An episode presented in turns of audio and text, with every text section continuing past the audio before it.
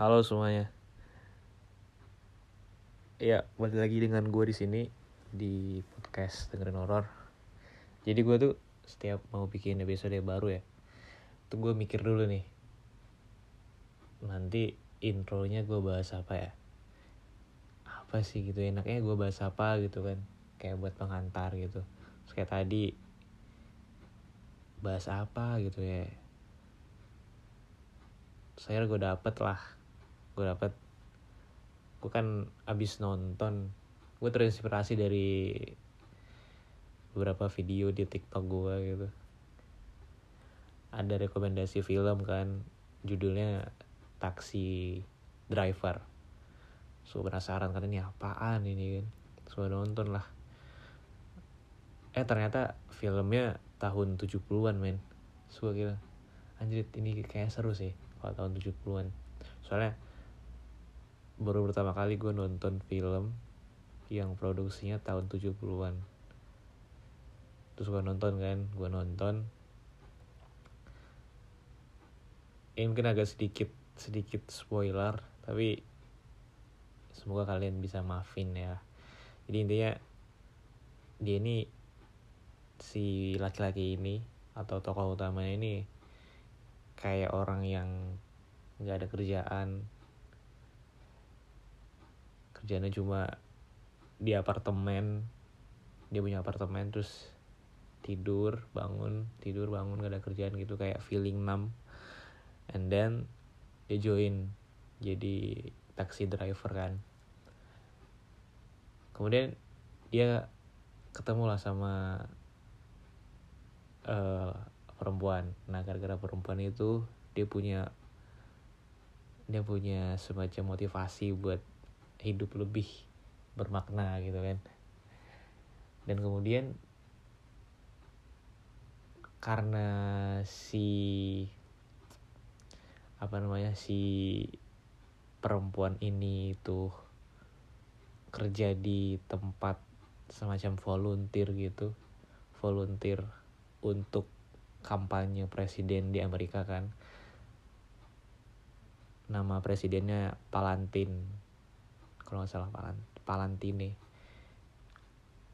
quotesnya we are the people. Nah perempuan yang disukai sama taksi taksi driver ini itu kerja di sana sebagai volunteer kan. Kemudian singkat cerita ketemulah si taksi driver ini di dalam taksinya. Uh, si Palantin ini naik taksi dia gitu. Nggak sengaja gitu kan. Terus ditanya lah sama Palantin. Bro bro. Kamu kalau saya jadi presiden kamu mau kamu mau apa gitu kan. Terus dibalas sama taksi drivernya. Saya cuma mau satu pak. Kota ini harus bersih. Bersih dari semua sampah. Karena sebenarnya kota ini tuh sampah yang harus papa lakukan adalah membuang sampah ke dalam toilet atau ke dalam tong sampah. Karena di dalam benak dia di dalam benak taksi driver ini emang kotanya tuh jorok banget men. Prostitusi prostitusi di mana-mana klub malam di mana-mana gitu. Dan akhirnya dia ngorbanin nyawa. Nggak tahu kenapa gue nggak ngerti. Pokoknya kalian kalian kalian nonton aja lah ya nama filmnya Taxi Driver. Nah kenapa gue ngomongin ini? Karena ini lumayan uh, lumayan masuk lah masuk sama judul treat yang bakal gue baca. Karena ini soal dunia malam klub malam prostitusi. Tapi ini tuh treatnya soal horor ya. Ya bukan misteri ini horor. Soal teror uh, teror wanita malam menurut yang punya cerita sih gitu.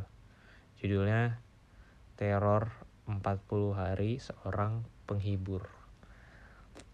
Yang nulis tweetnya ini nama twitternya at easy underscore broy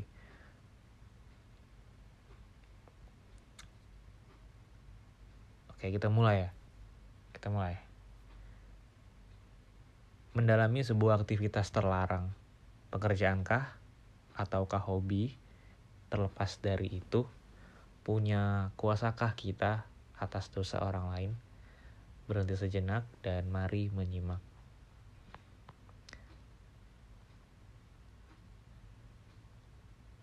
Euforia dunia malam, klub malam, prostitusi sudah bukan hal yang tabu di zaman saat ini. Bahkan hal seperti lokalisasi pun sudah banyak praktiknya sejak zaman kolonial Belanda di Indonesia. Dunia malam ini juga dikenal sebagai dunia yang kurang ramah bagi jiwa-jiwa manusia, terkhusus untuk para wanita yang tak punya pilihan kerja. Sehingga terpaksa harus terjun dalam dunia itu. Semua demi bisa bergaya bagi kaum burjois atau untuk sekedar menyambung hidup. Tak terkecuali dengan Odah. Gadis berusia 22 tahun ini pun mau tak mau harus bekerja sebagai PSK di sebuah rumah bordil yang cukup tersohor kala itu. Pendidikan yang tak mampu dienyam dan keterbatasan ekonomi membuatnya harus bekerja sebagai penghibur pria-pria bajingan. Latar belakang cerita ini datang dari masa lampau pada sekitar tahun 1940, zaman di mana Belanda masih berkuasa di atas tanah Nusantara. Zaman itu pula di mana semua sistem ekonomi masih dijalankan oleh mereka. Odah tetap bekerja dengan tekun meskipun pekerjaannya itu dipandang rendah oleh masyarakat kala itu hingga sekarang. Odah menghidupi kedua orang tua dan satu adiknya dan masih bisa menyisihkan sedikit pendapatannya untuk disimpan. Semua berjalan dengan baik Odah punya cukup banyak penggemar karena kecantikannya. Dia bahkan jadi rebutan di rumah bordil itu.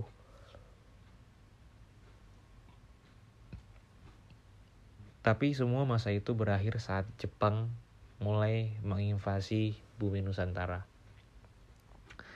Berarti 1941 ya. Pembantaian dan penjarahan dilakukan oleh mereka anjing kelaparan. Tak butuh waktu lama, rumah bordil itu pun diambil alih oleh kepemimpinan Jepang.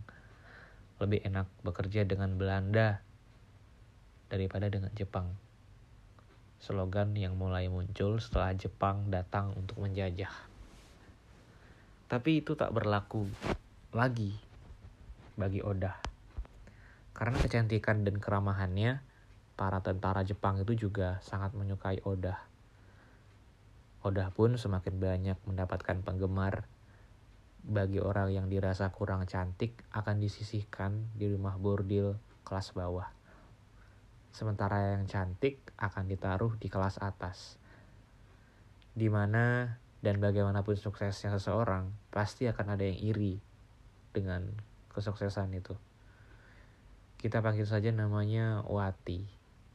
Wati ini juga merupakan idola di rumah bordil kelas atas. Namun sayangnya tak sukses tak sesuk tak sesukses seperti Oda. Rasa iri mulai memenuhi hati Wati.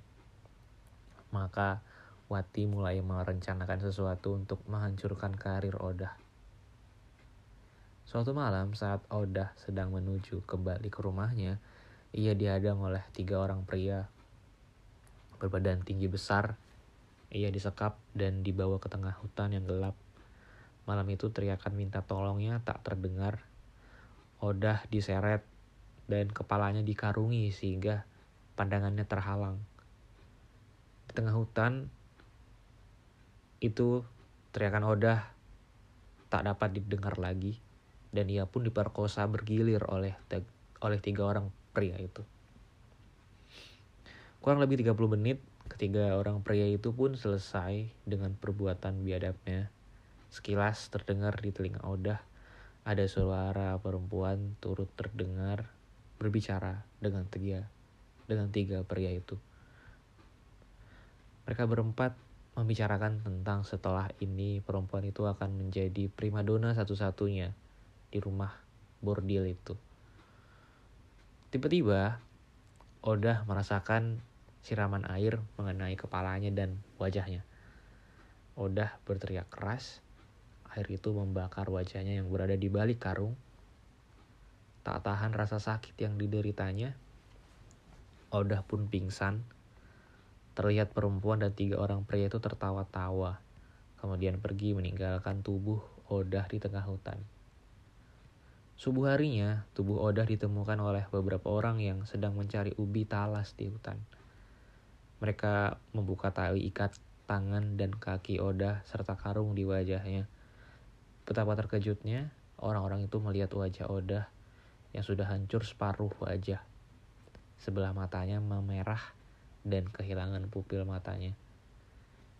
Meskipun wajahnya terlalu meskipun wajahnya telah hancur, orang-orang itu tetap mengenali kalau itu adalah Oda dan segera membawa tubuhnya ke rumah Oda Tangis dan jerit pecah saat ibu bapak dan adiknya melihat kondisi Odah yang sudah tak karuan. Sementara itu, waktu Odah dirawat dan tidak diizinkan untuk pergi ke rumah bordil. Satu minggu setelahnya, luka di wajah Odah sudah mengering lebam-lebam di tubuhnya pun perlahan membaik. Odah termenung dalam kamarnya, ia mencoba mencerna siapa orang yang tega berbuat hal ini padanya. Odah memandangi wajahnya di depan cermin, ia menangis, kemudian mengamuk membanting cermin di depannya. Emosinya tak stabil, berpikir dengan cara apa lagi ia menafkahi keluarganya. Hanya menangis, menangis, dan menangis. Dari pagi sampai malam. Itu saja kegiatan yang dilakukan oleh Oda. Bapak, ibu dan anaknya, bapak, ibu dan adiknya pun sampai bingung harus berbuat apa selain menyabarkannya.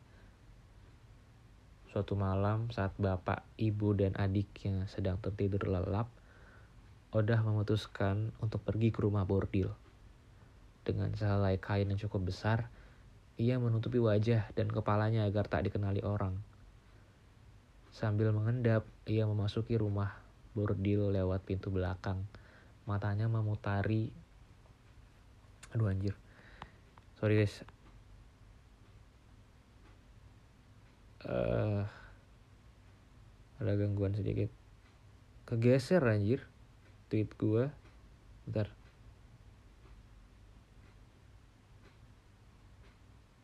Oke, okay, udah ketemu.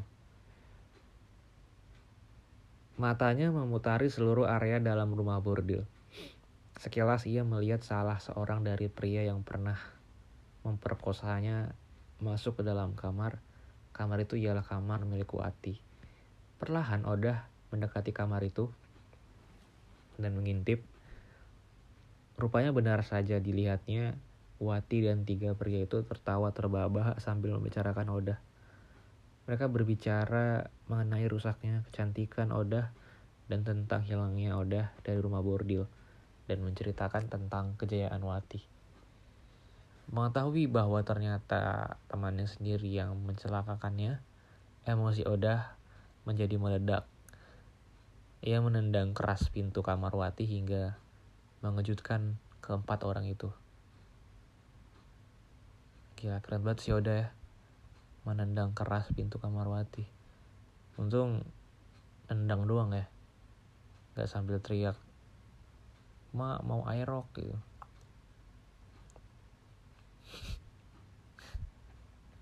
Tendang-tendang pintu ma mau aerok. Kayak bagus lah. Terus udah berteriak keras. Diiringi dengan sumpah serapah. Kemudian meraih gunting tak jauh dari tempatnya berdiri. Mendengar teriakan Odah yang nyaring, Orang-orang di rumah bordil pun berlarian menuju kamar Wati. Termasuk sekumpulan tentara Jepang sedang berpesta di rumah bordil itu dan merasa terganggu. Terlihat Oda mengacungkan pisau ke arah keempat orang itu. Melihat kejadian itu pula, para tentara Jepang dengan sigap berdiri di tengah Oda dan Wati. Orang Jepang itu berbicara berbahasa yang tak mereka mengerti sambil berteriak dan mengacungkan samurai ke arah Oda. Lu bayangin orang Jepang ngalerai cewek berantem pakai samurai men. iya, effort banget ya. Effort banget pakai samurai gitu. Sing gitu. Maju maju. Maju lu, maju, gua tebas nih. Terus entah kehabisan akal atau gimana karena emosinya tak terbendung lagi, Odah merangsek maju ke arah tentara itu. Bunyi pedang menusuk daging, terdengar darah mengalir dari dada Odah. Odah ditusuk dengan samurai oleh tentara Jepang. Kemudian tentara yang lain menusuk punggung Odah dengan sebilah samurai dan menariknya keluar. Oda jatuh dengan posisi berlutut, seorang tentara kembali mendekatinya. Oda melotot tajam ke arah empat orang itu sebelum nafas terakhirnya. Sambil teriak, Kupastikan kalian akan bersamaku di neraka. Teriak itu diiringi dengan putusnya kepala Oda yang dipenggal oleh tentara Jepang. Kepalanya tergeletak dengan mata melotot, penuh dendam, dan mulutnya terluka. Hari itu menjadi hari terakhir Odah di dunia. Seorang warga berlari menuju rumah Odah dan memberitahukan kabar kepada kedua orang tua dan adiknya. Diiringi tangis dan jerit ibu Odah berlari menuju rumah bordil. Jerit dan tangisnya makin keras tatkala melihat kondisi anaknya. Tubuh Oda tergeletak dengan kepala yang terpisah dari tubuhnya. Ruang kedua, raung kedua orang tuanya pun memenuhi seluruh ruangan. Tentara Jepang sudah pergi saat setelah kejadian itu. Seisi ruangan hanya terdiam melihat sosok sepasang suami istri renta itu menangisi putrinya yang malang. Tak ada saksi atas kejadian malam itu. Kemudian Oda dikuburkan dengan layak setelah dimandikan. Dan di sinilah teror itu dimulai. Setelah malam itu, tak satu pun lagi warga maupun penghuni rumah bordil mau mengingatnya. Mereka semua menjalani aktivitas seperti biasa karena tentara Jepang tidak peduli dengan kematian apa pun. Tak ada ucapan duka, tak ada tangis, semua hanya kembali normal seperti biasa.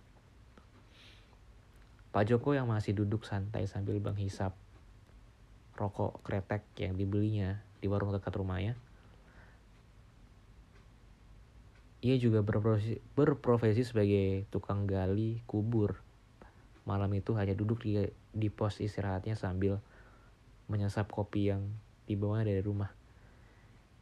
Ia adalah orang yang membantu persiapan pemakaman Odah. Pikirnya, malam itu menerawang memikirkan kepada memikirkan kenapa anak sebaik Oda harus meninggal dengan cara setragis itu. Saat sedang asik menerawang, telinganya menangkap suara tangis dari area pemakaman. Jantungnya berdegup cepat, pikirannya langsung terbuyarkan karena suara itu. Matanya langsung menyelusuri area pemakaman dari kejauhan.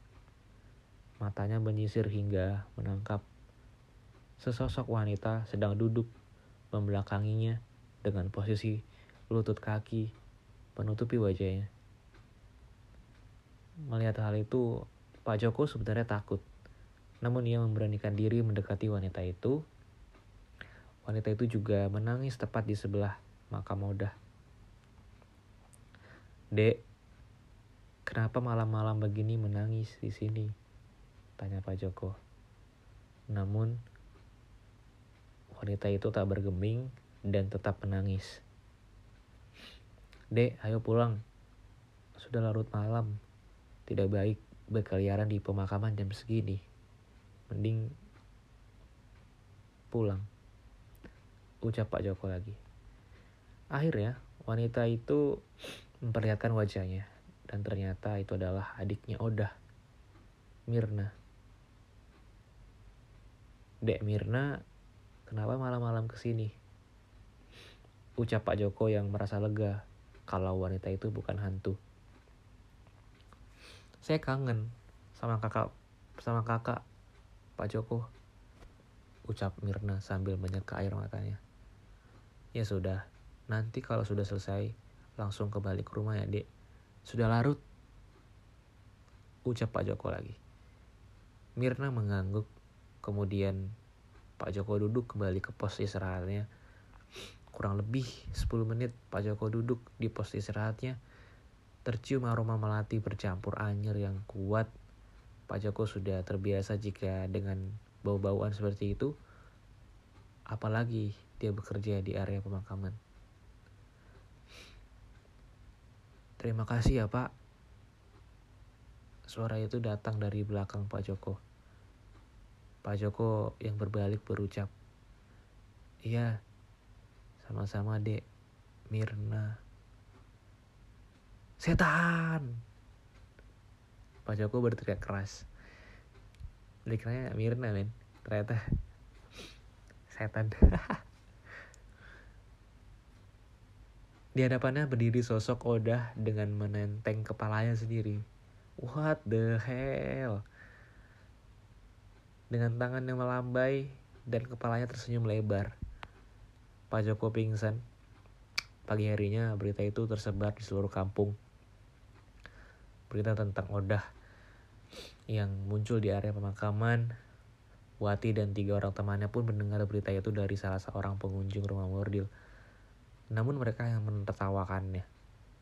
Berita itu juga sampai ke telinga orang tua dan adiknya Odah.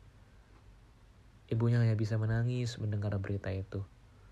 Mirna yang malam itu jelas-jelas ada di daerah pemakaman, kebingungan. Ia bahkan tidak melihat adanya arwah Odah muncul. Malam harinya aktivitas kampung dan rumah bordil tetap berjalan seperti biasa. Tidak ada yang benar-benar menanggapi munculnya arwah Odah. Semua berita itu hanya dianggap angin lalu. Pak Raimin yang bertugas sebagai pengelola rumah bordil malam itu pergi ke warung untuk membeli minuman yang stoknya mulai sedikit. Jarak warung dan rumah bordil kurang lebih 500 meter. Seperti biasa, Pak Raimin menuju warung dengan mengendarai motornya. Setelah selesai berbelanja, Pak Raimin pun memutuskan untuk kembali ke rumah bordil. Tengah perjalanan, sepeda motor yang dikendarai Pak Raimin mogok. Sekitar 10 menit, Pak Raimin mencoba menyalakan motornya namun tak ada hasil. Angin malam mulai menghembus dan membuat tengkuk Pak Raimin merinding.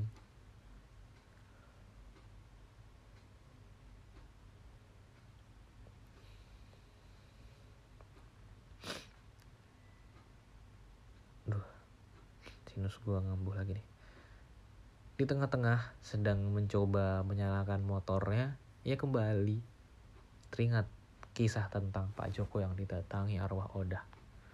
Pak Raimin pun mulai ketakutan karena ia juga menjadi saksi di malam Oda tewas. Namun ketakutannya sedikit mereda setelah melihat orang seorang ibu-ibu yang sedang menuntun sepedanya. Sepertinya ibu itu baru kembali dari bekerja. Bu, bisa bantu saya sebentar? Tanya Pak Raimin. Bantu apa pak? Tanya ibu itu balik.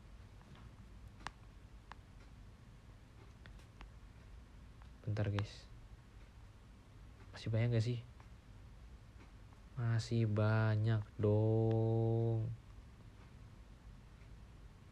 Masih banyak men. Guys, kayaknya sampai sini doang dulu ya kita lanjut part 2 guys.